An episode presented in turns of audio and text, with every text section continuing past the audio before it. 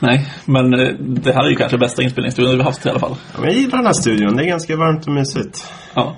För, för att måla en väldigt beskrivande bild så sitter vi i Amandas kök. Under ett lakan, typ. Som sitter fast i, i gardinstången. Och i stolar. Och på mitt Andreas huvud. Jag tänker att jag lägger upp en bild som förklarar det här. Någonstans i show notes. Gör vi verkligen det? Ja, det tror jag. Finns också på Twitter snart. Det är Som en liksom teaser. En teaser till det här avsnittet. Vår lilla poddkoja. Ja. Eh, vi får se. Om ni tycker att ljudet är bättre än vanligt så eh, säg gärna det. Så kan vi göra det här igen. Det hoppas jag. För att Vi ska vi, jobba- Vi, vi offrar oss här. Vi ska jobba på bättre alternativ. Det kommer också bli väldigt varmt här inne känner jag. Jag har luftigt här på sidan. Ja, men det är bra. Okej, ska vi kanske köra igång avsnittet på riktigt istället? Eh, ja, välkommen till avsnitt eh, Tolv. 12. 12. av Still In Data. Yes. Vi ska prata lite clean code igen. Mm. Stämmer bra. Vi körde ju två avsnitt för... Två avsnitt, två kapitel. Två kapitel för två avsnitt sen. Va? Kapitel och avsnitt är ju samma sak i en bok. Det är bara podd Är, som är heter det verkligen det? Är det verkligen det? Är det inte det? Ett, Kan- ett, Ska vi verkligen diskutera det här? jag tänker att ett avsnitt kan liksom vara en del av ett kapitel. Så tänkte jag också. Jaha, okej. Då säger Ja. vi så då. I vilket fall, vi körde två kapitel tidigare. Och de första var ju så här, vad är clean code? Och sen var det... Eh, namn... Just det, namngivningen. Ja. Helt rimligt. Och idag ska vi snacka lite om funktioner Yes. Och kommentarer. och kommentarer. Kommentarer. Så hoppas vi att vi hinner med bägge. Ja, men det, Ja, blir- det borde vara lugnt. We're super effective. Funktioner då? Vad tycker ni om funktioner? Är det en bra grej? Äh, skriv alltid på en rad. Obs, inte olika rader. en rad. Du vill bara skriva så här procedurell kod som inte... Det går bara uppifrån och ner och... ja, nej, mest från vänster till höger. Och så tar man bara allting på samma rad. Uh, tycker det känns eh, väldigt praktiskt. Ja. Men eh, den här alltså kapitlet går ju in på extremt mycket grejer. Jag vet inte om vi ska... Mm. Alltså vi kan väl gå igenom det vi har att säga och sen kan vi... s- Jag, alltså, har- jag det har är mycket grej. ju state, o- liksom state obvious. Lite grann som hela boken är. Ehm, eller? Tycker Ja, jag har en grej jag funderar på. Ja. Som har med funktioner att göra. Vad är skillnaden på en argument och en parameter? Jag tror att jag vet svaret. Alltså jag, jag blandar alltid ihop dem. Men eh, är det inte så här... Vänta. Nej, det är en du skickar in på... Nej, fan jag vågar Jo men det är inte det, alltså det, Ja. så, så jag tolkat det som hänt. Den ena är när du skickar, man skickar in typ eh, parametrar till en eh, funktion och den tar in argument, eller något sånt där. Eller nej, nej, nej just ja! För så trodde jag att det kanske var. Sen tror jag att jag lärde mig att det var skillnad om det är typ en statisk funktion eh, kontra en typ medlem, eller så här, alltså om funktionen member i en klass typ, eller ett objekt. Alltså en Ja. instans. Jag eh, googlar. Jag, jag spekulerar fritt. Men det är de två definitionerna som jag har. Jag, jag var nog mer inne på det Andreas sa. Alltså att... Jag, den jag, skickar sa in. någonting riktigt. Men... eh, Jo, jo, jo. Men du, du menar ju att man skickar in kontra det man tar emot? Eller? Nej? eh, ja, jag vet inte riktigt vad jag menar. Men... eh, ja. Okej. Har du Nu ska vi se. definitionen nu? Nej, definitionen vet jag inte. Jag har ett svar på Stack Overflow. Ja, det, Eh, det är fakta. Det har ändå definition. 773 upvotes. Um, där står det. En parameter är variabeln som är del av metodsignaturen. Alltså parameter är En del av av... metodsignaturen. Alltså om vi har void foo som tar in int i och float f så är i och f ehm, parametrar. Ja. Och argument är då det som används för att skicka in det liksom i metoden. Eller de variablerna som man skickar in. Det man faktiskt skickar in. Ja. Ja. Parameter med signaturen. För, Ja. Men jag tycker att det är så onödigt att skilja på dem. Ja, jag håller med. Ja, men jag tror att det är därför jag var förvirrad. För att Men- det känns inte som att det är så konstigt. Så här, vilka argument skickar du in? Eller vilka parametrar skickar du in? Eller blir samma, summan blir, eller slutsa- slutsatsen blir samma. Ja, ja, det är exakt så jag tänkte också. Ehm, Men det är väl också för att man använder de här, så här interchangeable, så heter det inte. Men man använder dem för samma sak. Alltså när Ja. man lärde sig, eller när jag lärde mig programmering så var det inte som att jag skilde på om någon sa parameter och det var bara att folk använde olika ord för samma sak. Men det är lite praktisk i liksom vardagligt tal. ändå. Typ hur? Ja men typ oh, parametern nullable. Då, liksom, ja, då har det med metoddefinitionen att göra. Men när det, oh, är argumentet null, då är det vad du skickar in för någonting. Eller? ja, det var vettigt. Ja, Jag tror att jag förstår, men typ så här om, om kontrollen görs i funktionen, alltså ja, i funktion, säger man, kroppen? Metodkroppen. Eller om det görs innan man skickar in det. Typ är, vad blir det då? Är argumentet nullable? Nej, för då kollar vi. Om typ eh, inten är no, null så kan vi inte, då skickar vi inte in den någonsin. Det kan aldrig vara det för att vi skickar aldrig in det. Men det kan aldrig vara, alltså typ var ska kontrolleras att det är null. Förstår ni vad jag menar? Blir någon skillnad ens? Jag vet inte. Ja, jag fattar men... Kanske inte. Vi säger Ja. nej på den. Vi, Okej. ja, jag, kommer tänka på det här i alla fall. När jag läste det här om eh, hur många argument man skulle skicka in. Eller hur många argument, hur blir det då? Hur många parametrar den skulle ha. Hur många parametrar den får ta emot eller hur många argument man kan skicka in? exakt. Nej, men de pratar om, jag kommer inte ihåg exakta orden. Det finns ju ett ord för varje antal. Jag Just det. Ja, Eh, nej jag kan inte. Monad kanske och såna här. Nej, det är en helt annan grej. Det var inget. Uh, nej men så här att eh, du vill helst bara ha de som tar emot ett, en enda argument, kallar jag det nu. Helst vill du väl att det inte ska vara några... Exakt. Ja, helst ingenting alls Ingenting såklart. alls. Men the more, the, the worse. Ja, exakt. Ja, Eh, nej men alltså så här och... Ja. Jag Jag har hittade liksom... vad de hette. Det, det är ju så svårt. Ja, vad sa du? Monadic, Ja, det var nära ändå. diadic, triads. Och sen och så vidare. Sen så hittar jag inte vad det står att de heter. den Sen vill de inte ens ge någon definition. eller Nej, för det någon namn på ska dem. aldrig behövas. Ja. Nej men det, det jag tänker är liksom så här att det är skitsvårt tycker jag att hålla nere de här. För att alltså, Ibland så blir det bara, ja men jag vill ha in de här fem grejerna. Och jag orkar inte skapa ett objekt bara för att wrappa dem. Nej, Alltså, det, onödigt. och det är ju också liksom bara att arbeta runt problemet känner jag. Ja, men verkligen. Eh, så att det känns som att det är skitenkelt att det blir för många. Ja, eller det beror på. Alltså, Det känns ju så... Ja. jag, hur, alltså vilka situationer liksom... När hamnar du i sådana situationer att du känner att du behöver skicka in väldigt många argument till en, till en metod? Ja okej, men kanske inte fem var väl överdrift. Men Jo, tre- fast det kan väl ändå hända? Ja det har absolut hänt. Men jag tänker att lösningen som Onkel Bob skulle ge i den här situationen är ju att du kan väl ju alltid flytta parametrarna från, alltså från att de ska vara parametrar till att de ska vara liksom fält i den klassen du har. Ja, och det håller jag inte med om. Gud, det stör jag på. Ja men kör! Nej men, eh, fan. Eh, så här, att då blir det ju istället att alla Få tillgång till allt. får tillgång till allt. Ja. Eh, och det tycker jag är värre än att en tar in många argument i en eh, metod. Jag tycker också att, ja, om man ska tänka på att, att man ska liksom ha need to know basis med, om man ska så noga med private och protected och package private etc. Så kan man bara, nej men nu får, ah, det är fortfarande i en klass, men fortfarande tillgängligt för alla metoder. Jag tänker att det blir rörigt. Man vet inte vad, om den här metoden anropas först så kommer det påverkas av det här. Att man måste ju styra Just det, det står. Nu samlar jag mycket här. Men han säger ju att, eller vem det nu är som skriver om det är Bob eller inte, men att du kan styra vilken ordning metoden ska anropas i genom vilk, att, vilken parameter de måste ta emot. Är ni på vilket, eh, vilken del av boken jag menar? Mm, jag tror det Att- känner jag. För att annars funkar det ju... eh, För att problemet när du flyttar allting till eh, att de blir fält istället för att vara parametrar så kan ju allting bara skickas huller om buller. Och metoderna kan ju anropas hur hu- huller om buller för att du har inga konstiga parametrar som Nej, måste, du måste anpassa dig efter. Men att det är en anledning att ha parametrar. För att, för att det mesta som du sa Andreas är ju metoder som tar noll argument typ. Alltså idealistiskt liksom. Men att det är en anledning att skicka in parametrar för att styra ordningen som metoder anropas i. Jag tycker att det känns som att det är sjukt sällan jag skriver metoder som inte tar några argument överhuvudtaget. Eller funktioner. Vad är skillnaden på funktioner? Skit i det. Jag, jag tänkte på det tidigare också, men vi behöver inte ta det.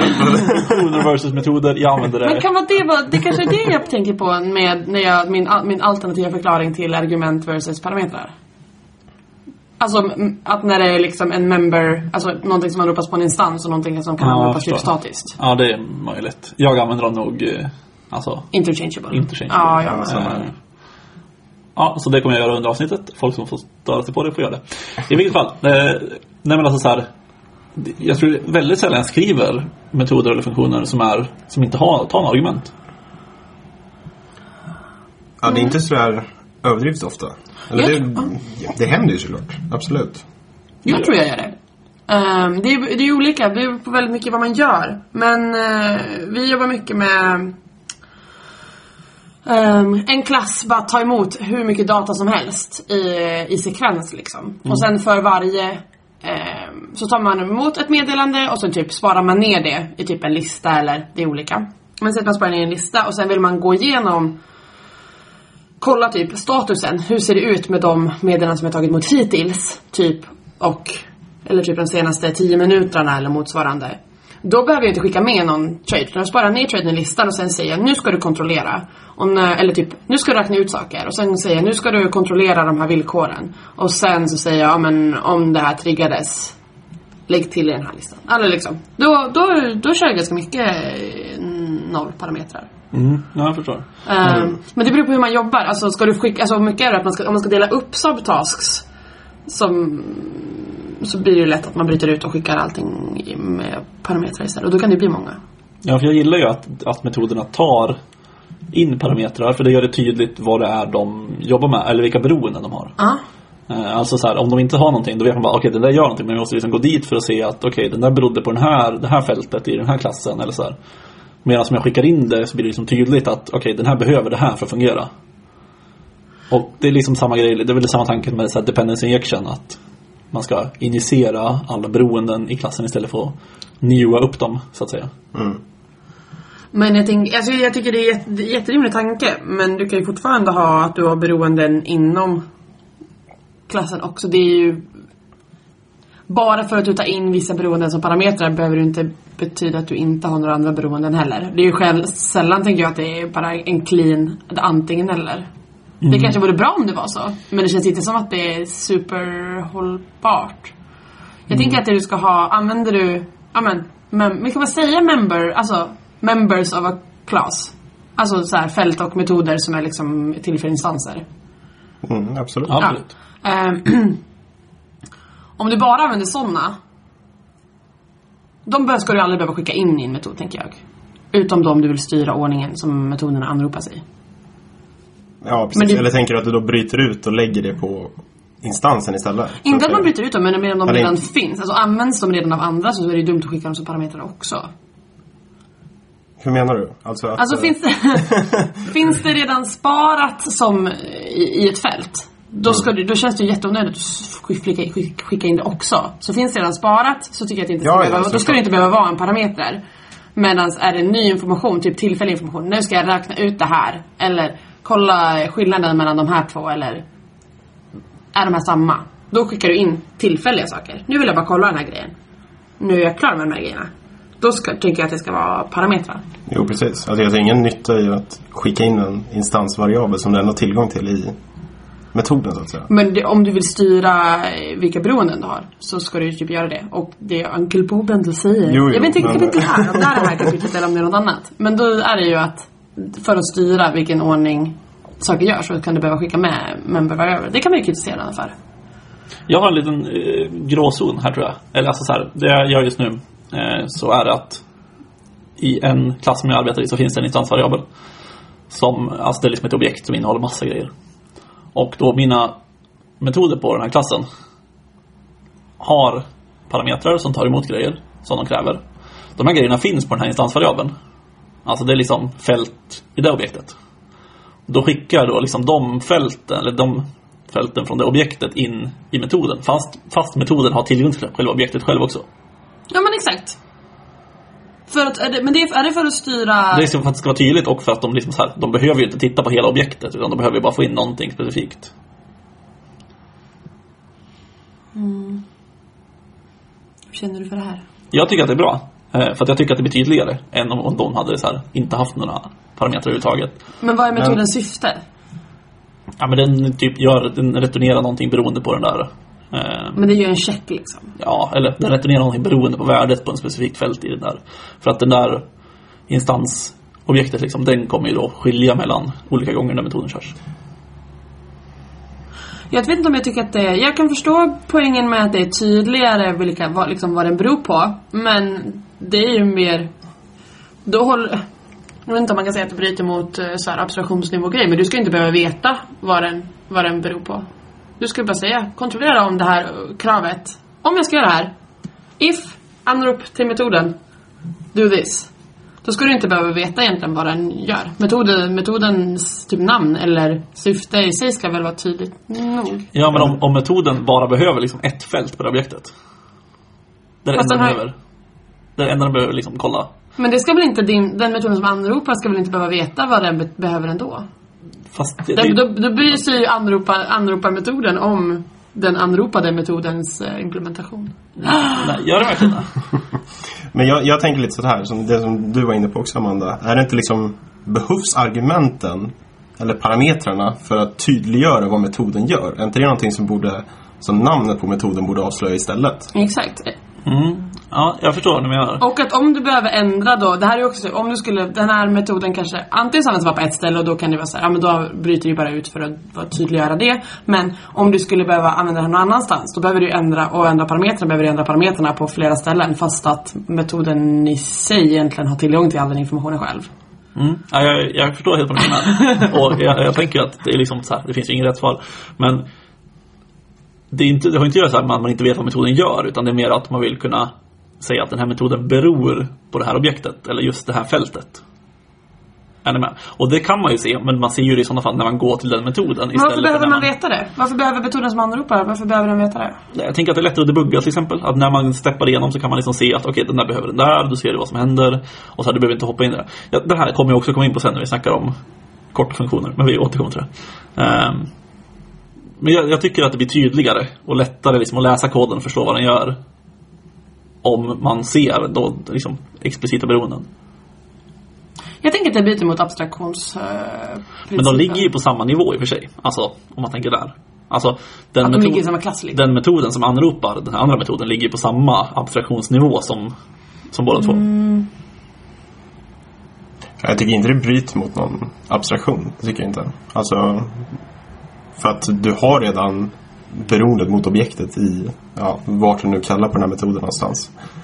Ett argument gör inte riktigt någon skillnad där, tycker jag. Fast är inte lite en poäng, eller så här, inte en poäng men um, om en metod gör flera saker liksom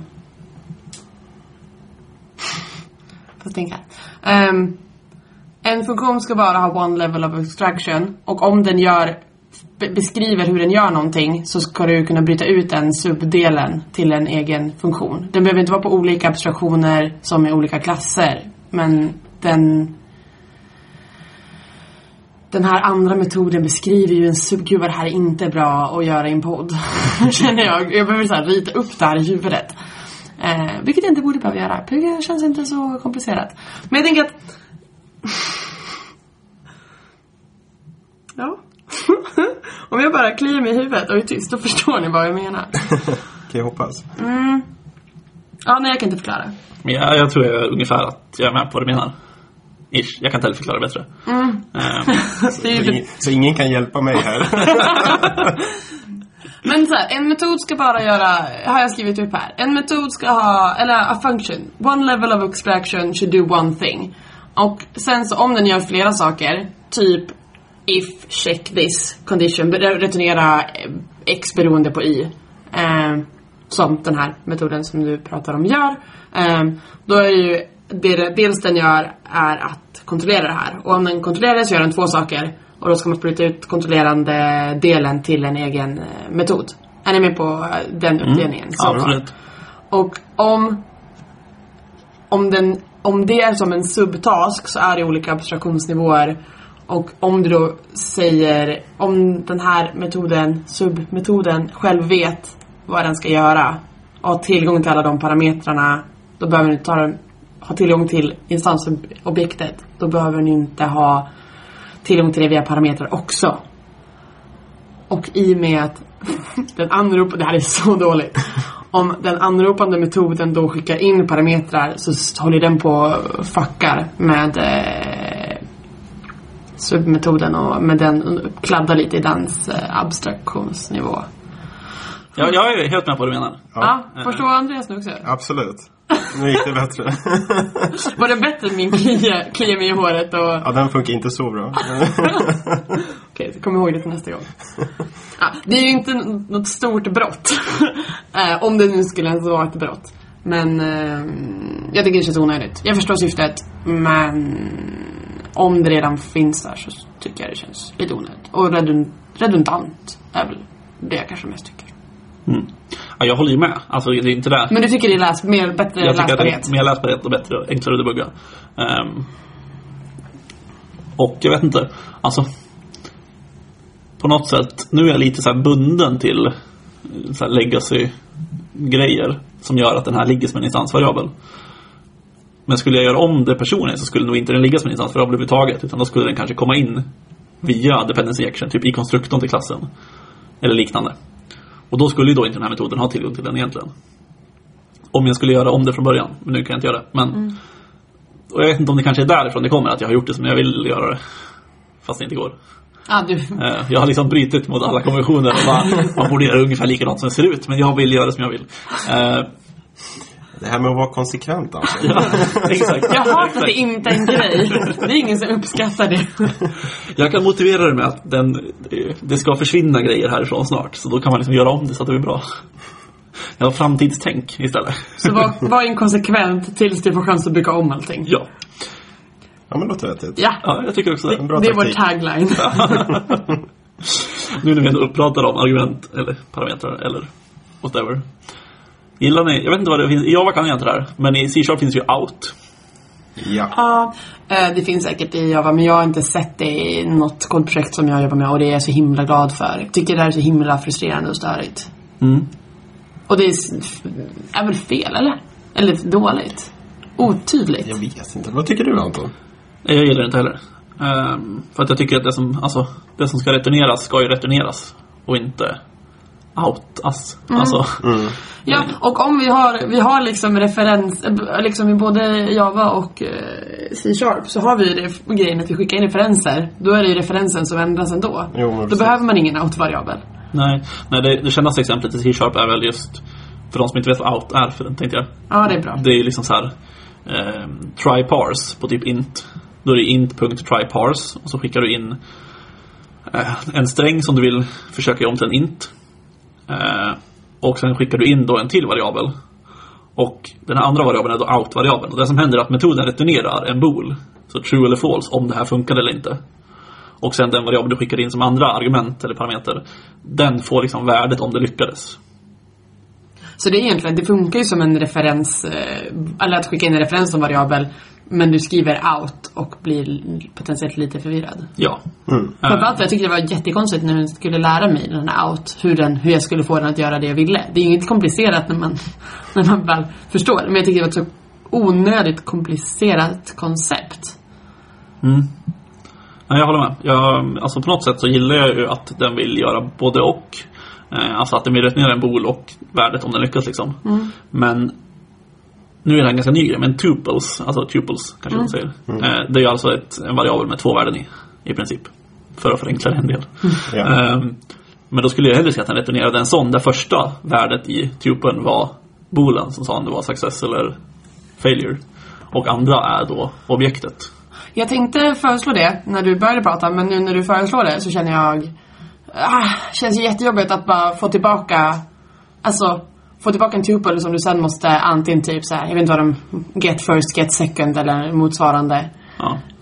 När du egentligen bara antingen kan ignorera då den här boolen som du returnerar eller får tillbaka. Eller kolla direkt på inten som du fått en som out-argument. Men du måste ju fortfarande göra checken, tänker jag. Alltså, Ja, oavsett. Och här får du ju då istället en If, variabel. men då blir det såhär, if try parse. I så fall kan du istället säga bara try parse. If inte den här out-variabeln inte är lika med null, typ. Ja, absolut. Alltså, Eh, det blir men- samma... eh, Det blir inte mindre kod. Men det, det som är problemet med just den här tryparse-exemplet är ju då att eh, om du misslyckas, alltså du, skickar, du får ut en int i det här fallet då. Du skickar in en sträng som du vill testa göra om till en int. Du misslyckas, alltså det går inte att konvertera den. Vad ska värdet på out-variabeln vara? Om du misslyckas? Vad är det värdet? Är inte det samma som eh, det var innan? Eller påverkas det? Nej, du, du får ju bara ut en int. Du får ut en int ur tryparse. Alltså alltid ur out-variabeln. Men vad är värdet? Det kanske är minus ett. Minus ett är ju så här klassisk. okej. Ja, och klassiskt typ dåligt. Ja, men då är grejen att du kanske, strängen kanske var värdet minus ett. Ja, exakt. You never know. Vadå, vad är, vad är svaret? Vad får man tillbaka på Tripars? Nej, du får, jag kommer inte ihåg. Jag tror du får tillbaka noll eller minus ett. Men grejen är att Mm. då får du ju kolla bolen. Det är där, du måste kolla bolen. Du kan inte kolla värdet på inten bara, för du kan inte se om den... För den skickar inte tillbaka en nullable int. Uh, Utan den skickar tillbaka en int. Och då får du ju Och det då... gör den alltid. Och det gör den ju alltid oavsett. Jag tror att det är noll eller minus ett, jag kommer inte ihåg. Men en av dem. Men då måste man liksom ha en bool som du kan kolla på. Och det är väl därför det är gjort så med en out-variabel. För att du ska kunna... Alltså det hade ju inte funkat annars. Nej. Och tuples kom ju typ C-sharp 7 eller något. C-sharp 6 kanske, och det är typ nyss. Ehm, så att det, har ju fun- det har ju varit bra en gång i tiden, tänker jag. Men nu för tiden känner jag hellre skulle ha en tuple som har första värdet som så här true false. Bara för att jag ska slippa out-variabeln helt enkelt. zero if the conversion failed, säger MSDN. Mm, så, ja. Då kan det lika gärna stå en nolla i strängen och så får man Ja. ut liksom nolla och så bara, ah, det funkade inte, fast det funkade. Det är deppigt. Ja. Men det är också så här, här kommer vi också in lite grann på den här command query separation. Som är liksom att, okej, det ska antingen vara liksom ett kommando, vilket alltså så här, den ska inte returnera någonting. Utan bara göra någonting. Du antingen påverkar du eller så får du tillbaka någonting. Ja, precis. ja, exakt. Svara på någonting eller gör någonting Ja. egentligen. Och det är liksom så här, ja. Den, bry, den bryter ju ganska kraftigt mot det. Alltså en klassisk try parse, liksom. Egentligen. Ja, Den ger, ju- den ger ju både och. ja, jo så är det ju. Eh, Alltid. Egentligen. Ja, Jag börjar känna att tuple var en ganska, känns som en ganska härlig lösning i kontrast. Ja, Fast tuple är också ganska jobbig att arbeta med. ja precis. Det blir ju lite grötigt. Och sen Alltså, tuple är ju, ja, jag vet inte. Jag är inte så superfan av tuple heller. Egentligen. Nej, Jag har ju bilat tuple för att jag har kört lite så här funktionell programmering, typ F-sharp. Och då är tuples jättestort. Och vad de nu heter, för där kan man ju ha flera. Så det finns ju tuple och sen typ triple, triple kanske. Eh, och så vidare. Ehm, så på så sätt så gillar jag ju liksom att arbeta med det. Men det gäller ju liksom att man ska kunna komma åt dem på något lätt sätt. Angående command query separation så tycker jag att det är en ganska, alltså jag tycker, jag tycker ändå om den som princip. Den är väldigt mycket enklare att eh, efterfölja utöver det här då exemplet med tripars. Så är det väldigt mycket enklare, till exempel en boy scout rule. För boy scout rule innebär att så här, du måste ta massa beslut om saker som har hänt förut och kontrollera. Men det här är bara att se till att din metod gör en sak. Det är inte svårt. Inte, Och det blir tydligt, eller? inte Boy Scout, eh, det här är ju, har inte med din grej att göra. Boy Scout rule. Den har vi pratat om förut. Ja. Är, inte det bara lämna... Lämnar det bättre än vad du hittade. Ja, precis. Ja, så då måste du ju röja i andras i kod som redan finns. Ja, förstår. Och Ja, då okej, måste du förstå din kod som redan finns. Men när du, det här är bara när du skriver en metod. Det ska vara, den ska se till, förändra någonting. Eller så ska den hämta någonting. Punkt. En sak. Mm. En, antingen eller. Den är väldigt enkel och blir ändå uh, skön. Alltså side effects är ju ganska negativa. Liksom. Ja, precis. Jag har ett Ja. exempel på det här. Ja, men Med är bra. sideffekter som ni kan få bedöma om vad du tycker om. Ja. Ehm, det är ett eh, hobbyprojekt som jag håller på med. Ehm, eller ja, det har blivit typ ett företagsprojekt nu, men skitsamma. Ehm, det är ett API-anrop. När användaren loggar in. Så det här är liksom, det är, okej vi ska ha lite mer bakgrund kanske. Vi har ett API som är helt fristående och så har vi en liksom klientapplikation som är helt fristående. Och klientapplikationen gör ju då API-anrop till API. När man loggar in, första gången man loggar in, så kommer det skapas en användare. Man loggar också in med sitt, alltså du skapar inte upp en användare manuellt utan du loggar in med ett befintligt konto. Tänk Microsofts konto. Men första gången du loggar in så kommer det skapas upp då en motsvarande användare i min databas. Och sen returneras användaren.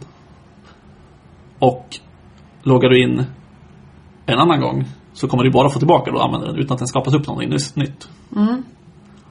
Så den gör ju liksom två grejer. Och två olika grejer. Ja. Ja, precis. Men frågan är så här. Jag har inte kommit på något bättre sätt att lösa det på. Alltså det känns som att syftet, anledningen till att det är så här är väl för att skapa lite usability. Att den som loggar in och redan har ett typ Microsoft-konto inte ska behöva hålla på och knyckla med att skapa en ny användare om den, har jag redan loggat in på den här sidan någon gång förut, jag vet inte, men jag har ju mitt Microsoft-konto, jag testar. Att du slipper liksom Ja, nej, bråka alltså- med registrera konto-grejen. Ja, nej, liksom, att- det är enda alternativet. Ja, alternativet är ju att du skulle typ så här. Åh, du har... Du har inte ett konto. Här har du ditt konto. Åh, nu får du trycka på logga in igen. Alltså det finns ju inget... Det finns väl ingen poäng riktigt. Men skulle du inte kunna kika på att göra det... mer liksom eventbaserat egentligen. Utveckla. Ja men säg att du har ett event när en användare autentiseras till exempel. Då skulle jag tycka att det var helt okej att kolla där om användaren finns sedan tidigare eller inte. Och där ta avgörelsen om du ska skapa upp ett nytt konto eller inte. Jo, precis. Det är väl jag har liksom övervägt. Att för I sådana fall hade det blivit att när användaren autentiserar sig med sitt Microsoft-konto, då är de ju autentiserade liksom i klientapplikationen. Och då skulle jag kunna göra ett API-anrop och kolla så här, finns den användaren? Eller hämtar den användaren, till exempel. Mm. Och så- då, då får jag, okej, då har jag ett anrop som kollar om användaren finns eller hämtar användaren. Hämtar användaren kan jag säga. Får jag inte tillbaka någonting då, då skulle jag behöva göra en till check och säga så här, aha, han fanns inte, då måste vi skapa upp honom. Då gör vi ett till API-anrop. Men det är alltså att... Ja.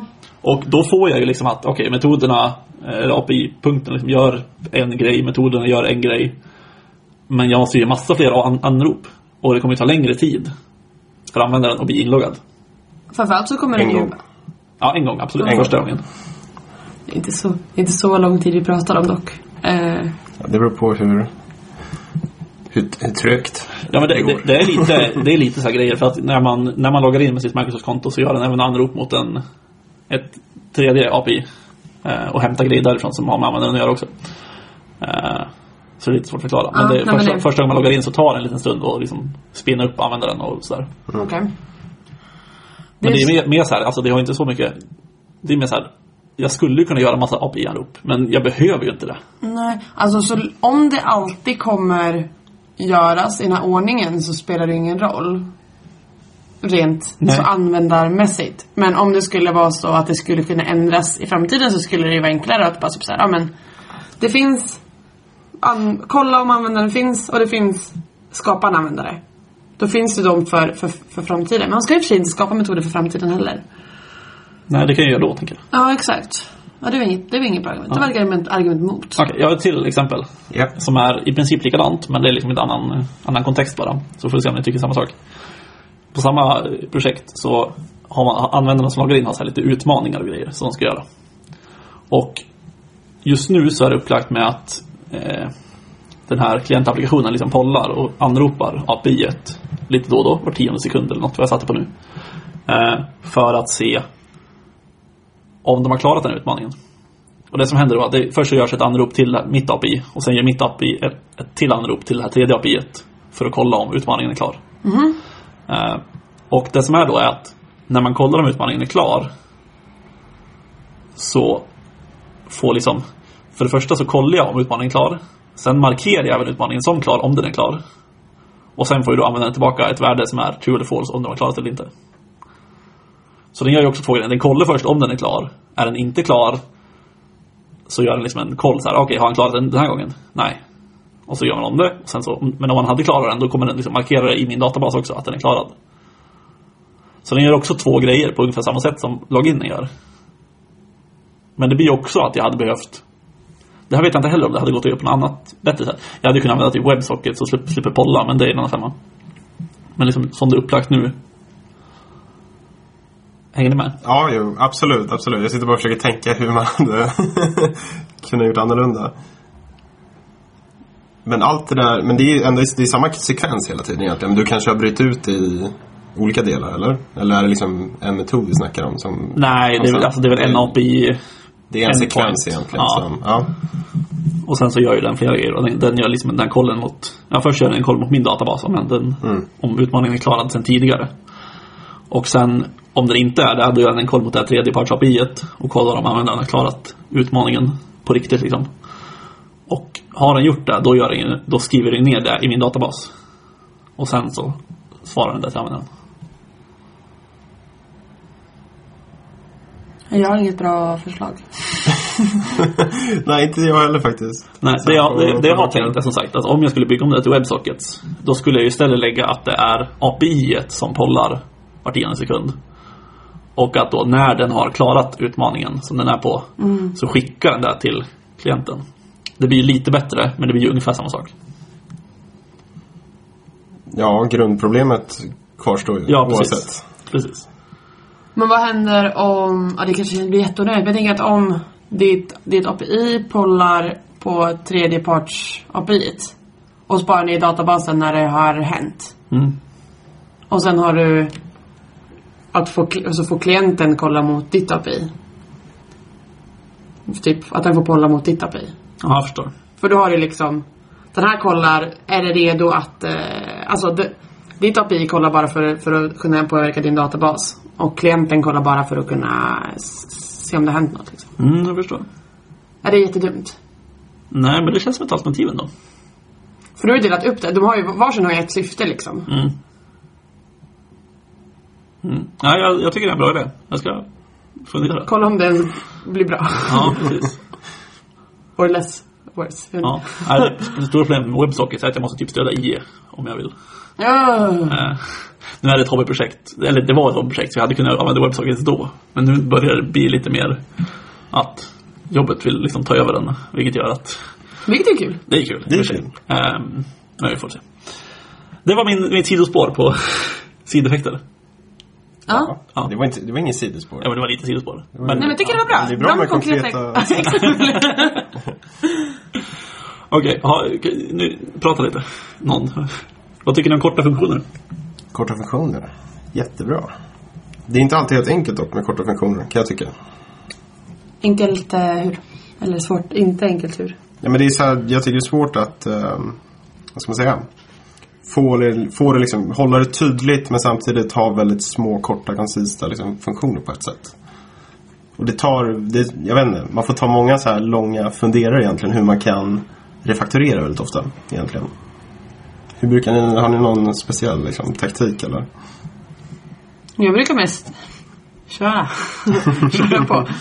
Nej men om jag bygger någonting och så märker jag att det här är ju någonting som är en... Alltså jag, jobb- jag jobbar ändå väldigt mycket på, apropå att vi ska prata om kommentarer sen. Är ju, vill jag, vill jag beskriva för mig själv typ medan jag kodar. Typ, jag brukar kommentera upp eh, typ min algoritm, hur jag tänker att så här ska det här vara uppbyggt. Och sen vill jag ju ta bort den kommentaren för den var ju bara där för min skull.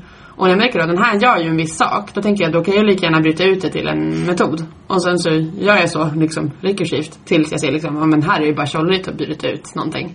Eh, för jag tycker att mitt mål är ändå att skriva sådana metoder, när jag läser den så blir det bara så här, ah, det är så tydligt. Det är bara så här, här kommer in en metod och den gör, den gör fyra metodanrop. Först så kollar den det här, sen uppdaterar den det här, sen kontrollerar det här och sen så testar den och skickar ut det här om det behövs.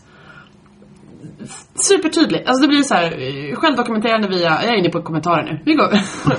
Men, eh, och när, jag, mitt, när mitt mål är att vara så tydlig och liksom att varje metod, varje del ska vara liksom förklarad vad, den här, vad syftet är. Då blir det Mm, att jag delar upp det till metoder och kommer på ett, ett rimligt namn för den. Och då blir det ganska små metoder. Sen finns det ju några som är bautafeta men det är mycket typ så här när man ska hålla på med Alltså Det finns ett namn som datastruktursklasser. Alltså när man bara typ så här, Nu ska jag flytta data från det här objektet till det här objektet. Då måste du ta många. Men då är det ju ingen, ingen svår logik som som behöver inkapsuleras heller. Men jag tycker inte att det är så Jag tycker inte att det är så svårt. Egentligen. Nej, men så länge man liksom har ett bra liksom, tänk från början egentligen. Eller att man liksom tar sig tiden och tänka igenom vad man faktiskt ska göra från första början. Men jag kan också jobba lite så att jag liksom kanske skippar att kommentera eh, liksom vad jag tänkt. Det gör jag också ibland. Men att jag kanske gör en, en, en lösning att inleda med egentligen. Eh, bara för att få det att funka och liksom få igång tänket kring problemet egentligen. Och sen efter det gå igenom flera varv egentligen. Hur kan man göra det bättre? Och hur kan, vad kan man bryta ut till separata metoder? Vad, hur är liksom namngivelsen? Alltså, ja, you name it liksom egentligen. Här är alldeles för många argument. Där kan man, eller parametrar. Men eh, eh, och det är liksom, så jobbar jag nog oftast tror jag egentligen. Det är väl det man typ, i alla fall, det är Uncle Bob återigen, ja men rekommenderar. Att du ska skriva något som funkar och sen jobbar du, eh, liksom, jobbar du om och om och om tills det liksom blir någonting som är bra. För det som kan hända när jag skriver ner då, för jag skriver ner för mig själv som liksom, det här är min typ plan för att jag ska få det att funka. Då bygger jag ju upp en struktur som jag tar för givet sen. Och då blir den svårare, i och med att det är en utbrutet till metoder så blir det ju mer att jag blir fast i mitt originella mindset. Än vad du kanske blir om du liksom bara får en, en, har en, en blaffa. Och sen ska du göra den snygg och sen delar du upp det. Förstår du vad jag menar? Ja, ja, absolut. Ja, kanske. Eller, eller inte.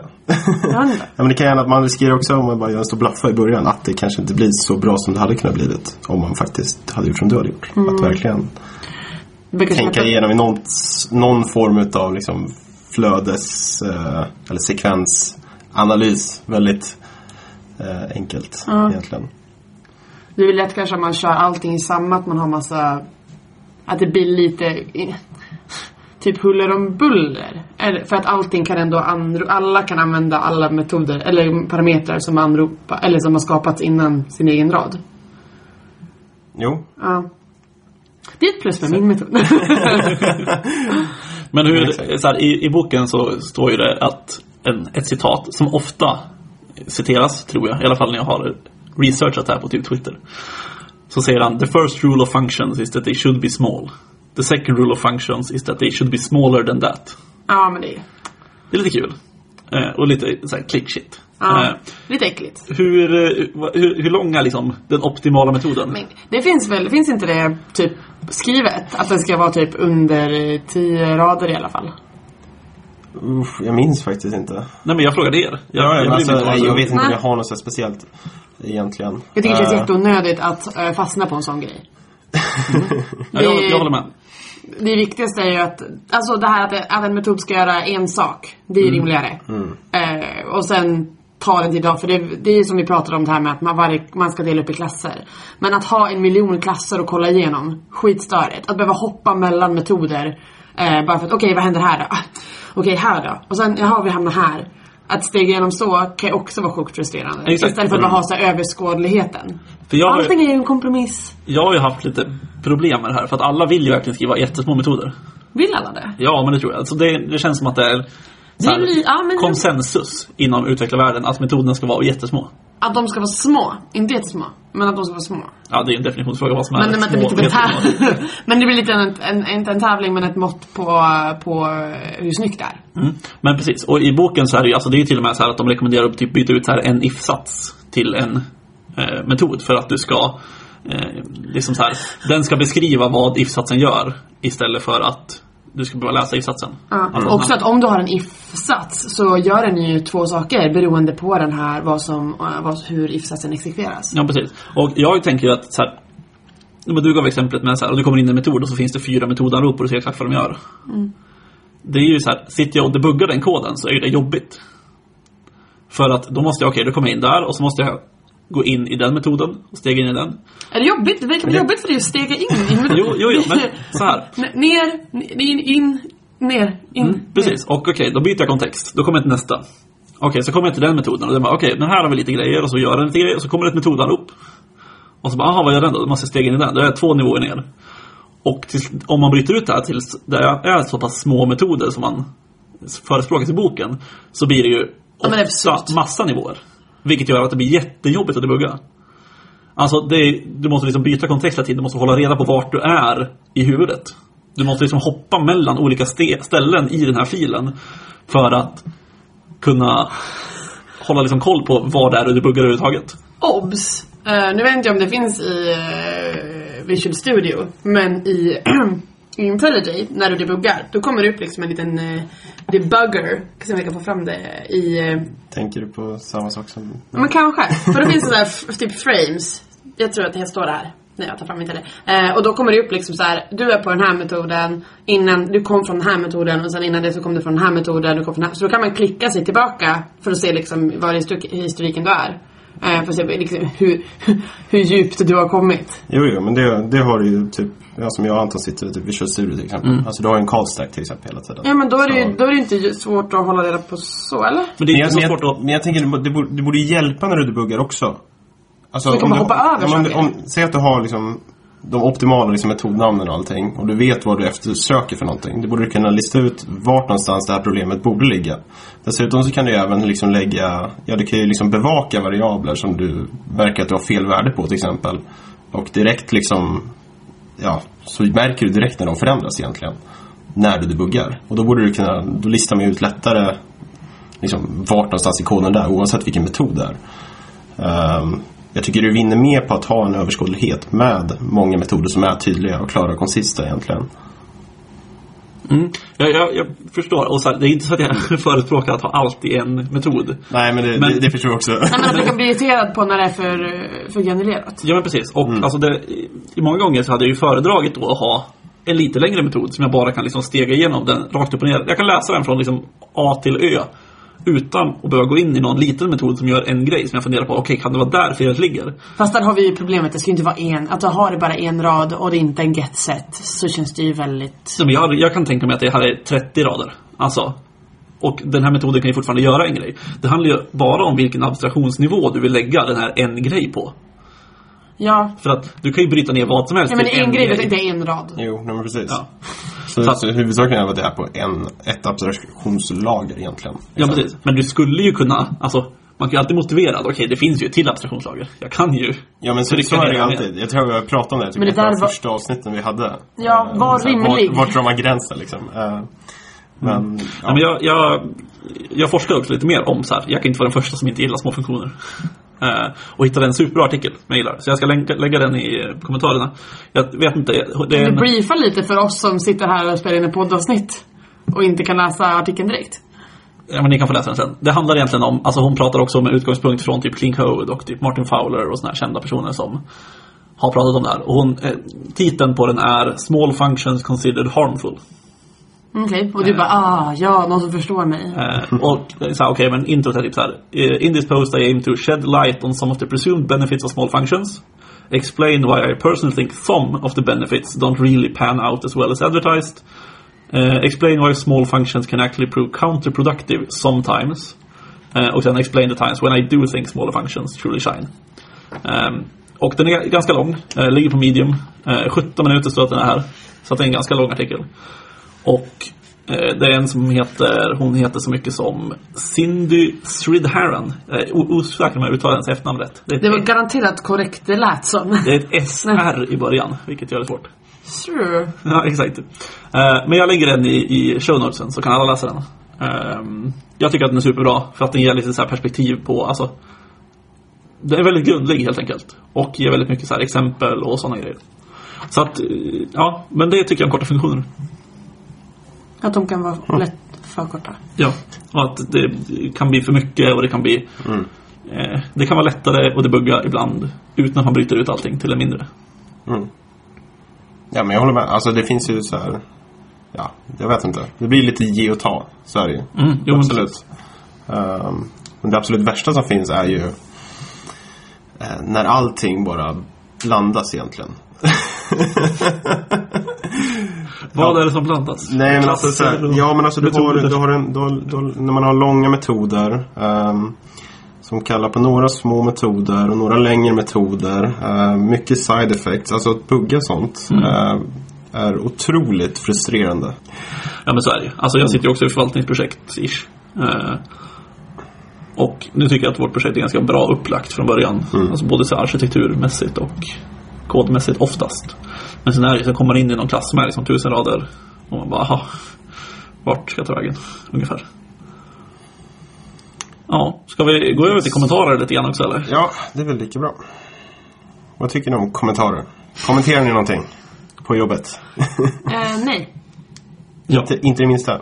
Alltså det är typ, eh, jag utgår ifrån eh, mitt jag har ju anammat hur det funkar på mitt uppdrag och då är det generellt eh, extremt lite kommentarer. Alltså jag kommenterar Har jag en kommentar så är det en to-do och de to-dorna borde inte vara där för de De är mer en disclaimer än vad de är någonting annat. Ehm, Det är inte så här kommentar, hack. Ja, nej det är mer typ så här. oh vi borde kolla på och lösa det här för att det, tänk om det här händer. Eller undra om det här är ett problem. Det kan vara, jag har kommenterat typ, de flesta kommentarerna som faktiskt var kvar är såna här, det måste vara så här för att. Eller typ när jag säger att, säg, referenstid är starttid fast alla andra gånger är referenstid en, ref, en annan referenstid och säger ja men det här är det här verkar konstigt men det här är vad de har sagt att, eller så här har vi kontrollerat att det här ska det vara. För att ingen annan ska känna åh här är någon som har gjort fel och det här gör vi om. Eh, men att beskriva vad någonting, typ den här delen av koden gör eh, väldigt sällan, då bryter jag ut. Eh, och det Det var, jag läste ju Clean Code när jag började och när jag kom till det här kapitlet, jag bara okej men då börjar jag göra så här. Eh, och sen har jag gjort så sen dess typ. Ehm, och jag tycker att det funkar bra. Jag vet inte, någon annan kanske tycker det är skit att jag är så himla dum i huvudet som håller på så men väldigt få kommentarer. Men vissa vill ju verkligen ha många kommentarer egentligen och kommenterar väldigt, väldigt mycket. Men vilka vill det? Och vad är syftet? Eh, Syftet är ju för det, alltså. att... Nej, jag, jag, är inte, jag är inte en av dem. Eh, det är jag inte. Eh, men syftet är att de tycker att det är lättare att förstå koden, antar jag. Fast om du har det, om du, om du gör det här bryta ut det till och döpa om metoder grejen, då Jo, har jo. du ju inte, då har du ju inte förlorat någon information. Nej, nej, det tycker inte jag heller. Alltså jag försvarar inte dem på något Nej. sätt. Nej. Ehm, vi hade en eh, kompetensutvecklingsuppgift ehm, där det var ehm, där det uppmanades kommentera mycket. En del av uppgiften var också att ni kommer inte ha tillräckligt med tid för att göra klart det här. Det är hela poängen. Det kommer vara liksom max 30% klart när ni skickar in det. Kommentera väl. Kommentera vad ni gör, vad ni menar, vad ni vill, vad ni vill förbättra, hur ni har, ja, men så här, hur ni har tänkt. Då var ju så här, halva dokumentationen var ju i form av kommentarer. Eh, och sen dessutom skulle vi skriva typ en readme med mer kommentarer. Eh, men de ville ha så här, varför har ni tänkt så här? Men det är ju för att det var, uppgiften var... Exakt. Det har Men ju ändå sitt syfte. Ja, och då, då är det ju ett syfte. Det här är, eller om det kanske är ett work in progress, så, där, man, där man faktiskt jobbar med samma kod samtidigt. Då skulle det också kunna vara en grej. Men i, i, i liksom kod som ska vara färdig så, så kan jag nog ändå vara på den sidan att kommentarer, varför? En, en stor punkt som de pushar på i boken är ju att kommentarer kommer bli utdaterade. För att folk inte orkar uppdatera dem eller glömmer bort att ändra dem eller eh, liksom. Ja. Jag kan nog tycka att de alltid kommer ha sitt syfte. Men är det så? Fast alltså, nej, jag tänker att så här, okej, du har en metod som eh, heter is available och den returnerar true. Då skriver man inte en kommentar om för som heter return true eller return true. Nej. Men sen så, okej, men det, alltså om man gör det då, som ett exempel. Då kommer någon komma gå in sen och ändra att is available. Nej, det är inte, det ska inte vara där längre. Då ändrar vi den till return false. Sen ändrar de Eller- inte kommentaren. Så kommentaren säger return true, men metoden säger return false. Mm, absolut. Och Det är ju det är ju drawback med kommentaren egentligen. Att det, eller så här, en av dem, att det är väldigt ofta som kod uppdateras men kommentarerna lämnas. Eller att kommentarerna, liksom, ja, kod flyttas runt och kommentarer hamnar fel och de täcker fel liksom, kod egentligen. Och de, ja, de förvirrar bara en och ja, shine light on the code egentligen. Men samtidigt tycker jag att typ, så här, vissa kommentarer som kan beskriva en metod eh, eller inte beskriva, men som beskriver varför man har gjort på ett visst sätt verkligen kan tjäna sitt syfte. Det är väldigt många fall som det kan vara, ja men om man går mot, vad vet jag, du använder ett bibliotek ehm, och det är en bugg i det här biblioteket. Då ser, då ser det sjukt användbart att man skriver att ah, jag har gjort på det här sättet för att den här buggen finns i det här biblioteket. Här har en länk till issuen. Ehm, Det är men- jätterimligt. Ja, alltså det tycker jag är rimligt. Absolut. Men det är väl också den sortens kommentar som, som, som godkänns enligt boken. Mm. Att Jo, men- förklara Ja, eh, sådana en av flera egentligen. Ja. Men det jag skulle vilja säga är, du, ditt exempel med returns true är ju en, det är ju, det kan ju alla komma överens om att det är en extremt dålig eh, kommentar. Ehm, och det här gäller väl, gäller väl inte där. Eh, men att flytta det, det, det de säger är ju, ja men kommentarer uppdateras inte. Och det är jag med på. Kommentarer kommer ju bli, inte bli uppdaterade lika ofta som koden blir uppdaterade. Men om man då går till flytta kommentaren till, alltså om det inte är en värdelös kommentar som kastas bort som returns true, utan det är liksom en det här är vad den här koden gör. Då, och flyttar det och döper ut det, döper en metod till det istället. Alltså från kommentar till metodnamn. Hur ofta uppdateras metodnamn? Det är ju, du har ju flyttat informationen och då kan ju den bli liksom gammal i, i ett metodnamn istället. För att syftet med metoden kan liksom, den kan göra fler och fler grejer eller eh, ja men scopet flyttas lite eller man gör det på lite annorlunda sätt men det ligger kvar. Alltså, du har ju samma information kvar som kan bli gammal. Du kanske uppdaterar det lite oftare men ja, eller? Ja, men jag, jag tror ändå att man uppdaterar metoder och metodnamn och så här. Men jag tror man lägger mer uppmärksamhet på det. Men jo, jo, men hur, mycket, hur stor skillnad är det? Alltså, är det 80% tiden eller är det 20% av tiden kontra kommentarer? Alltså hur stor skillnad är det Har du svaret här? Det Anna? här är något som skulle ha blivit en C-uppsats om, Amanda. Ja, vill inte se sig Nej, men jag tror ju att, alltså så här, Man märker väl också det, alltså på ett annat sätt. Så här, att du kollar metodnamnet och så här, okej, den gör någonting. Medan en kommentar kanske du läser och sen så skiter du i allt annat. Läser du ett metodnamn så tänker du att okej, den kommer göra det här. Men liksom att man märker det på ett annat sätt att den inte stämmer än vad en kommentar Kommentar kan ju liksom ligga där hur länge som helst. Jag tror att, ja, men jag, jag tror att man märker, man uppdaterar helt enkelt metodnamnet snabbare. Snabbare, men jag tror inte att det är så mycket snabbare. Jo, men det tror jag. Jag, har inget, jag, jag kan ju bara utgå från mig själv och det tror jag att, men absolut att jag kollar mer på vad det står i metodnamnet än vad jag gör i kommentaren. Och ändrar jag en metod så, Ändrar du metodnamnet då? det beror på hur stor metoden är och vad den gör. Men jag har ju, alltså nu när jag har utvecklat alltså den, den grejen jag håller på med, så har jag ju haft metoder som har liksom förändrat skepnad helt och hållet. Och då har jag bytt metodnamn på Ja, men det är för att du har bytt. Jag tänker mer när du byter, när det glider lite. För att så kan det vara, alltså tänk att det är en ehm, du har kanske någon så här, eh, vad heter det, typ så här date format sträng eller en, en, en regex sträng och sen beskriver du, ja typ en regex. Den kan vara väldigt tacksam att, att ha någon slags kommentar på. Vad är syftet med det här? Och om du ändrar ehm, så att en mailadress får eh, ha fler siffror i sig eller ett lösenord får ha det här.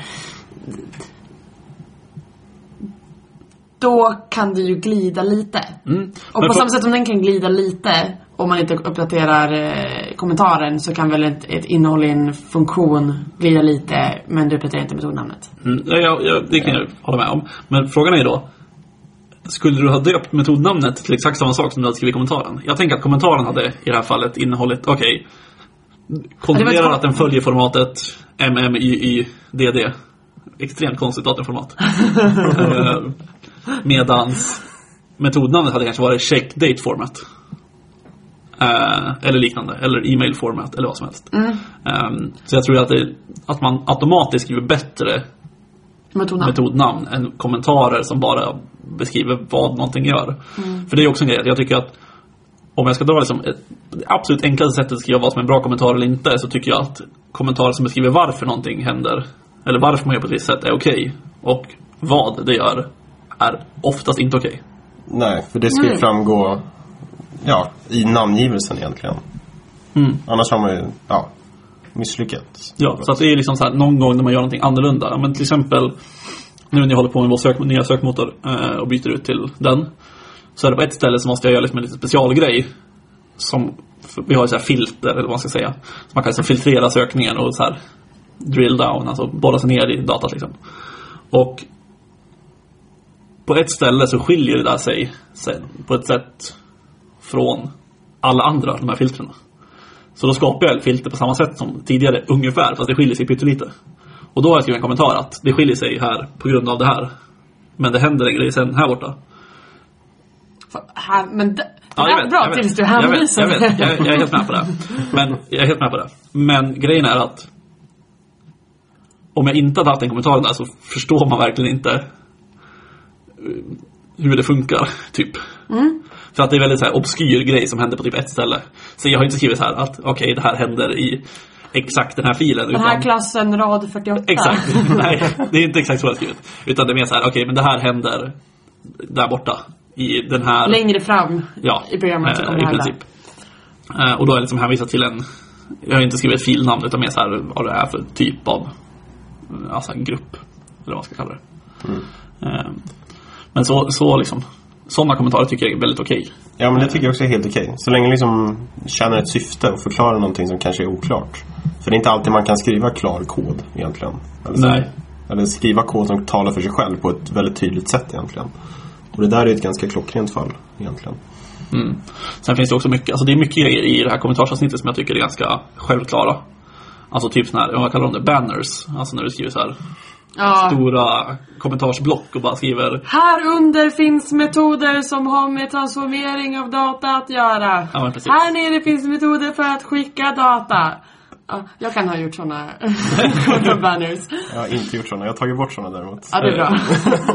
så, så, sådana liksom grejer finns det ju som är liksom ganska självklara att inte göra. Ja, men super non-maintainable. God tanke.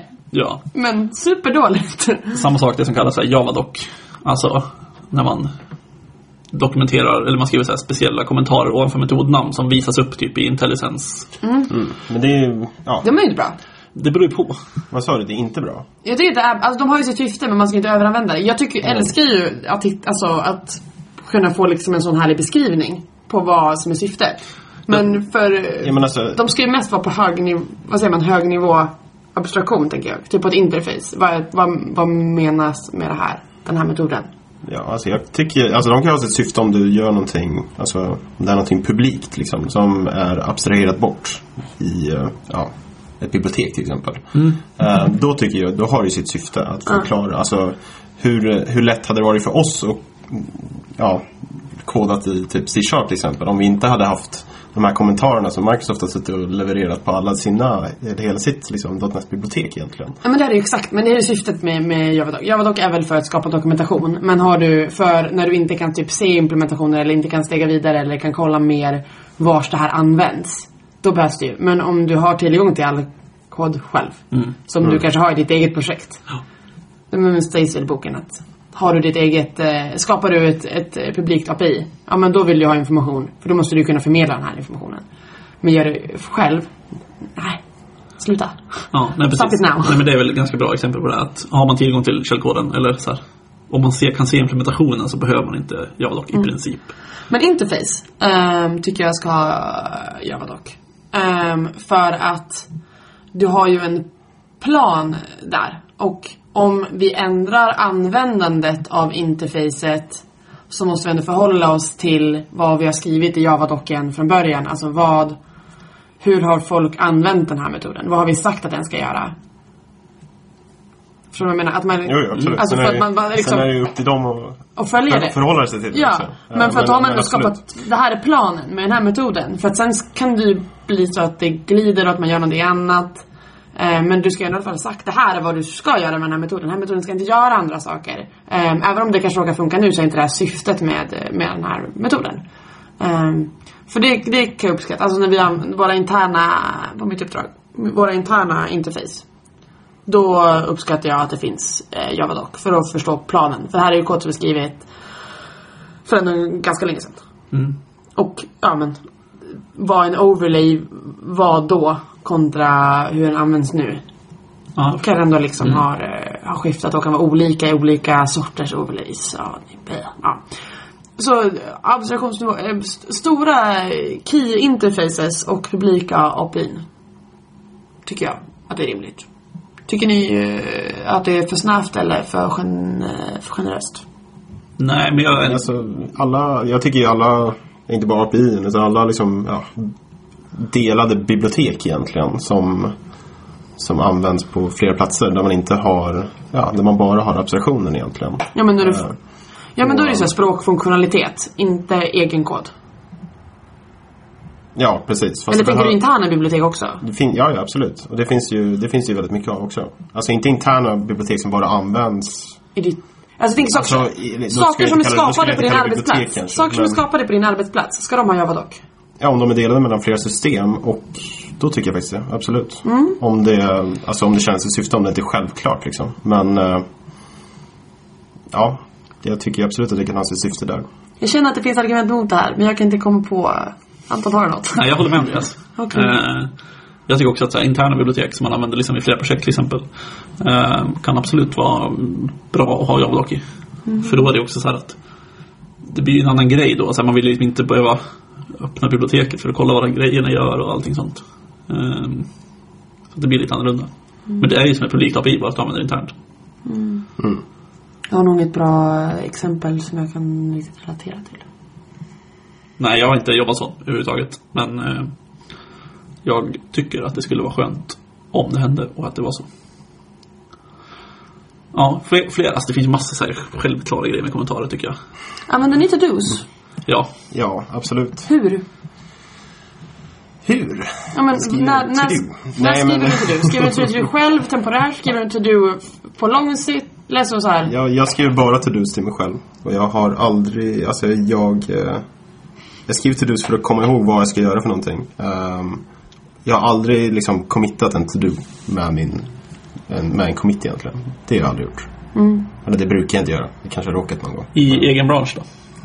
Jo, jo. Alltså, jag, jag, jag, jag tycker själv liksom att ingen annan ska behöva se en to-do som jag har skrivit. Nej, jag förstår. Om det, fast sen kan det ju finnas, alltså jag hamnar säkert i situationer också där jag kanske skriver en to-do för att, ja jag vet inte, det är någonting jag inte kan göra kanske. Och lämnar det till någon annan liksom. Men, eh, Så då kan du committa en to do. Ja jag skulle väl kunna gjort det, men jag har aldrig gjort det hittills. Du har kunnat alltid. Nej, men jag, jag, alltså nu, men vi har pratat om lite grann om att jag sitter och byter sökmotor på ett projekt. Mm. Eh, och då jobbar jag liksom i min egen bransch. Vi kör också TFS. Eh, men det har jag också varit in på tidigare. Och det är liksom så här. I min bransch så är det väldigt många to-dos just nu. I mitt liksom, det nya sökmotoradaptern som jag gjort. Eh, och det är ju bara för min egen skull. För det är ju så här, de to-dosen som finns där är också så här att om någon annan skulle läsa dem så fattar de dem inte. I princip. Eh, Så att det är bara för min egen skull att det här måste jag komma ihåg innan det här är klart. Liksom, att det här ska jag ta tag i senare. Och det är så mycket detaljer, typ att ja, men vi måste kolla på det här. Fast jag har liksom tagit de grova dragen först. Så att nu funkar liksom majoriteten av grejerna. Sen ska man gå in på detaljnivå och pilla lite grann där och där och där. Och då använder jag to-dos eh, i princip hela tiden. Men det är också väldigt bra för att alltså Visual Studio och jag antar att alla idéer i princip har att du kan se alla to-dos. Eh, Så det finns ju tasklist i Visual Studio. Och då ser du alla to-dos. Och då, just nu så har jag liksom filtrerat det på current project. Så jag ser liksom bara mitt projekt som jag håller på med. Eh, Och då är det väldigt enkelt att liksom hålla koll på. Fast man vill ju inte att det blir tusen to-dos som man ska hoppa tillbaka till sen. Nej, precis. Det är lite tråkigt att sitta med. Det kan ju vara schysst att ta hand om en to-do när man ändå är där i ett kontext. Ja, precis. liksom. Så att eh, för sin egen, ska man säga, effektivitet kan det vara bra att ta tag i det med en gång. Men alltså ja, ja absolut. Alltså, sitter man i en lokal bran- bransch så är det helt okej liksom, att committa in en to-do. Eller ja, det är väl okej att committa in en to-do ändå. Bara att någon ser till att fixa det. Som, Ja.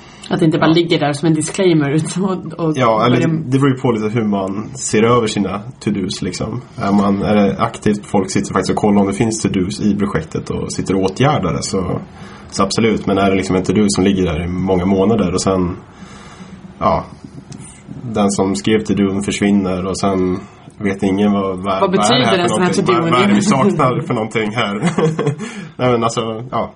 En det to-do ska inte ligga för länge. Det finns ju är- garanterat i vårt projekt. To-dos som har legat där i flera Ja, men år. du sitter i ett ganska stort projekt. Ja, det gör jag. Absolut. Ja, fast det finns det i mitt projekt också. Ja. Eh, Många to do. Alldeles för många to dos. Och jag har väl lagt till några av dem.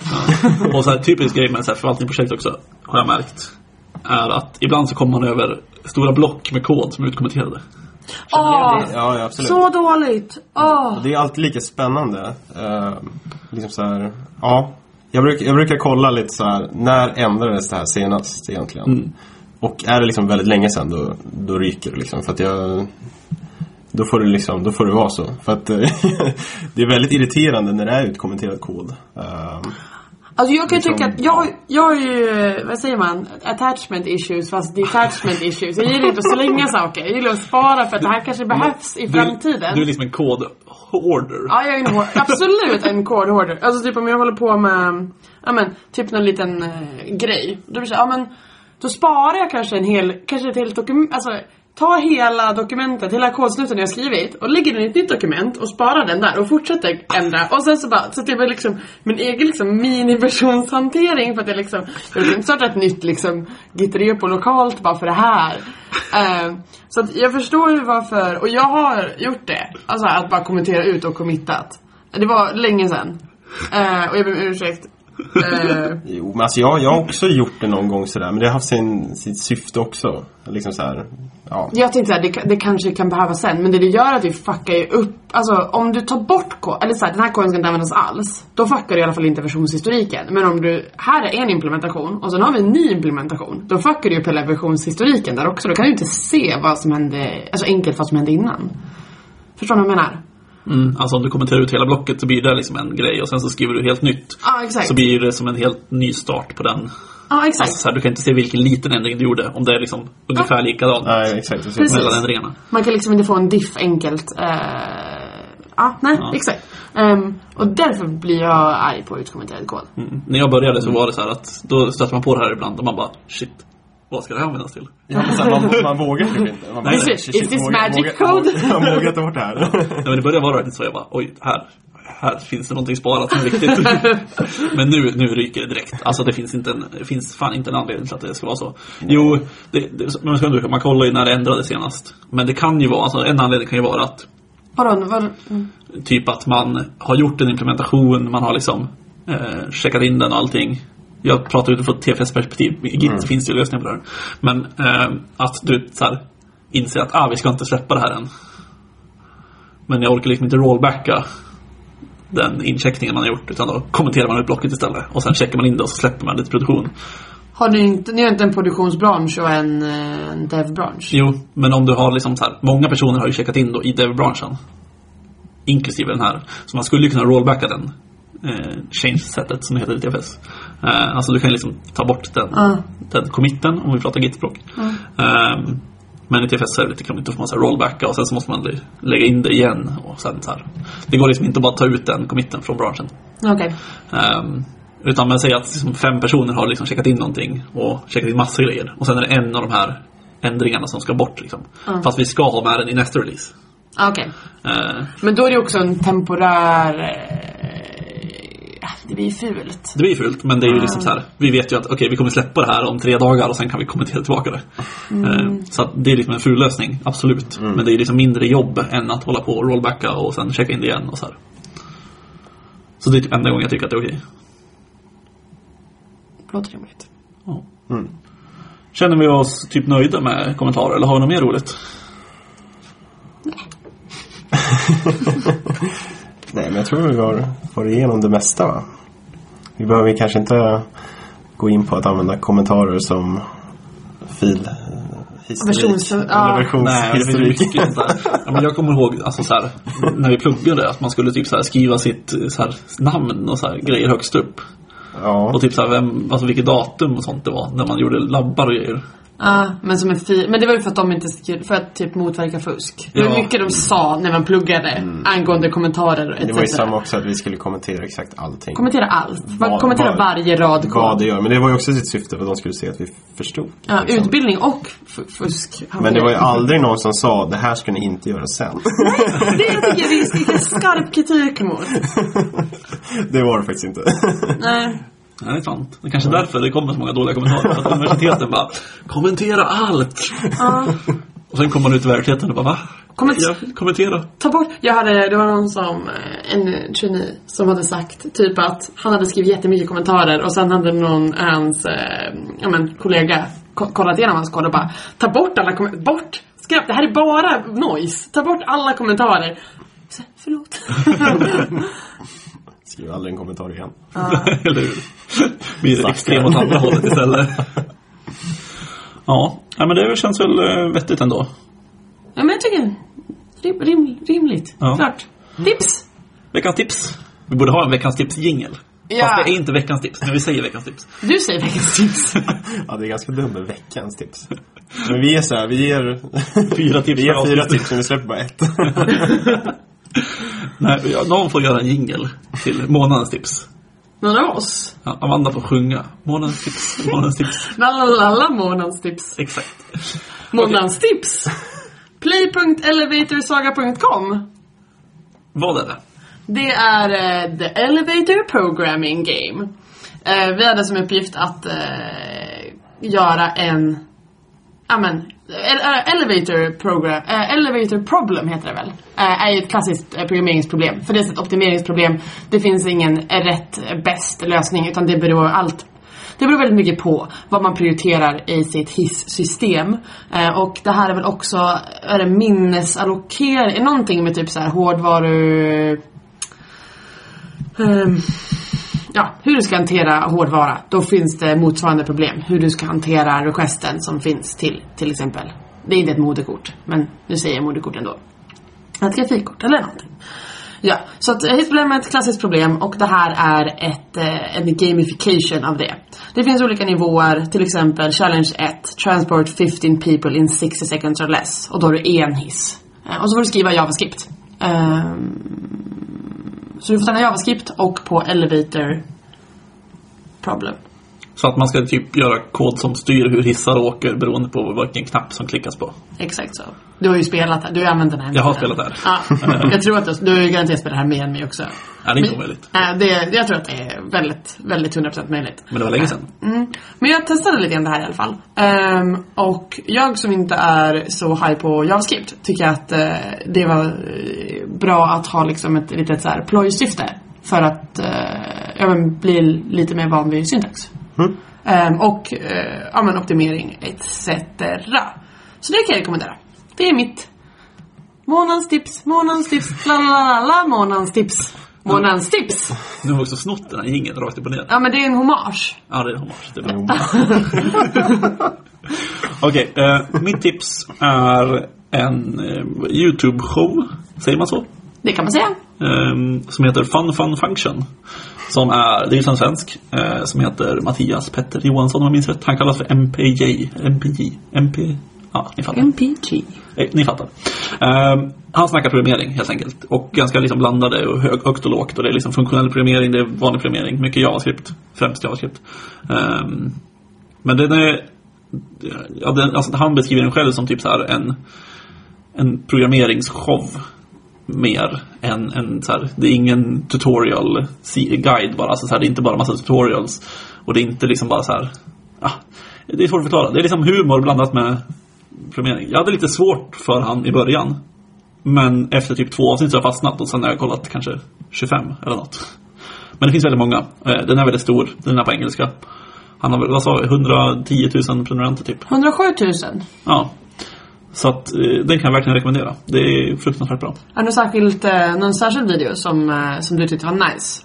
Eller tycker du att allt är bra? Ja, Det mesta tycker jag väl är bra. Ehm, jag har kollat på ganska mycket så funktionella grejer ehm, om JavaScript. Ja, men typ så reduce och map och såna här funktioner som är härligt. Eh, som finns i de flesta språk, vilket gör det ganska generellt liksom. Ehm, och även om jag liksom har haft koll på det innan så är det alltid liksom någonting nytt som kommer. Sen tyckte jag också senaste videon när jag snackade om um, GraphQL uh, var bra. Som är typ en utmanare till REST eller vad man ska kalla det. Alternativ till REST. Men det kan vi återkomma till i ett framtida avsnitt. Månadens tips, månadens tips, la la la la, månadens tips, månadens tips. Yes, jag kör på med mina .NET-tips. Jag får ju ta ett lite on the fly här. Men jag tänkte tipsa om en, ett extension idag till Visual Studio. Igen. Det är typ andra gången jag gör det, tror jag. Ja, Ja, Det är väldigt IDE-relaterat i alla fall. ja det är det alltid. Ja, men det- jag tar ju sånt som, liksom, som kommer upp i min, i min eh, vardag. Ja, men som också- eh, .NET-utvecklare. Jag tänker varken jag eller Anton brukar göra det, så det är bra att du tar ditt ansvar. Eller tar poddens ansvar för eh, utvecklarverktyg. Ja, det är bra. Eh, nej, men jag tänkte tipsa om en extension eller det finns också som ett, bara ett vanligt NuGet-paket egentligen som kallas för Codecracker. Lite halvfishig namn. Men eh, jag vet inte, någon av er har använt det? Känner inte den alls. Inte? Nej. Nej, men se, se det som en, eh, en gratis variant av ReSharpers Inspections egentligen av din kod. Ehm, så att ehm, ja, antingen tar det som en extension på Visual Studio så att du liksom får en granskning av all din kod egentligen i, oavsett vilket pro- projekt du sitter i eh, eller jobbar med. Eller så kan du också dra in det som ett NuGet-paket per projekt så att alla som jobbar på projektet delar samma liksom inspection rules egentligen. Kan du berätta vad inspection rules är? Nej, men att du får egentligen varningar när den upptäcker eh, ja, kod som skulle kunna förbättras egentligen. Att här kan, det här fieldet skulle kunna vara private till exempel. Eller den här borde du göra statisk. Eller ja, sådana typer av grejer. Så egentligen varningar att här skulle du kunna refakturera din kod. Helt enkelt.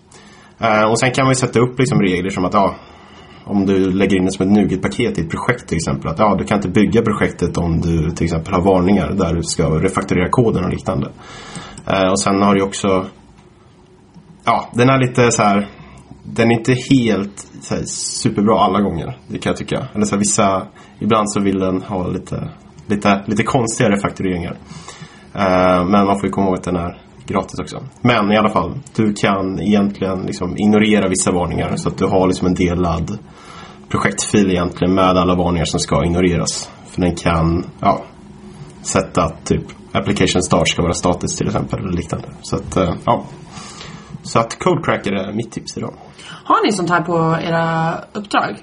Att det används? Eller, gör ni, eller har du det här liksom Nej, själv? i- inte officiellt alltså. Jag har bara testat det lite själv. Ja. Så jag har inte dragit in det i ett projekt, men jag har suttit med det på ja, Visual Studio som extension egentligen. För vi använder en sån här grej på, som heter, eller som vi antar är motsvarande. Som heter Sonar Cube. Som går på alla våra repon. Ehm, man kan ju bygga fortfarande. Men jag tror att den ger typ varningar beroende på hur många den, den letar typ code smells eh, bland annat. Jag ska säga, den har typ code smells, vulnerabilities eh, och typ refaktorering. Code smells, bugs, vulnerabilities. Ehm, och den tror jag finns för eh, liksom massa språk. Men ligger den, har ni den då på någon form av byggserver? Eller? Ja. Ja, exakt. För att det finns ju också sådana varianter. Eh, Så skillnaden här blir egentligen att Codecracker har du din idé direkt när du sitter och jobbar. Eh, För jag antar att du liksom får dina varningar först när koden är incheckad. Ja, exakt. Ja. Så det är problematiskt. Men det här är mer för typ, ja. Ja, det, ja, det blir olika syften i och för sig. Jo, Eller inte syften, men användningsområden. Jo, jo, absolut. För att det är ganska vanligt att man kör någon form av inspections på en byggserver. I alla fall om du kanske sitter i kanske ja, en eh, systemtest till exempel. Eh, För att inspection ska ta lite tid eh, att köra. Så att, ja. Kul. Slut på dagens avsnitt. Veckans, månadens. Och sen var det slut där, berätta. Nej, det gör vi inte. Vi, vi har ju den vanliga pushen för att höra av sig till oss. Exakt. Om man gillar oss och, eller inte gillar oss. Så, Om man gillar oss så finns vi bland annat på iTunes. Där får man jättegärna recensera oss och prenumerera på oss. Eller ge oss fem stjärnor. Ja, det, om man gillar oss. Och, ja. och ge om, oss man, om man inte vill skriva någonting. Precis. Och Man kan göra båda. Det är väldigt man kan sant. göra. Men du Och- måste inte. Man måste. Jag säger man måste. Gillar man oss inte får man hellre höra av sig på Twitter eller mail. Eh, Eller sociala medier mail. Exakt. Twitter har vi at stillenbetapodd med två D. Och mail är info at stillenbeta.se. Stämmer bra. Det är så bra ställen att hänga på. Ja, och eh, som vanligt vill man höra något, vill ni höra något särskilt vi ska snacka om så skicka ett mail eller skriv på Twitter. Så kanske vi tar tag i det. Ja. Bra! Nu kan vi äntligen ta oss ut ur, under det här lakanet. Jag trivs ganska bra här under. Ja, vi säger så hörni. Yes. Hej då!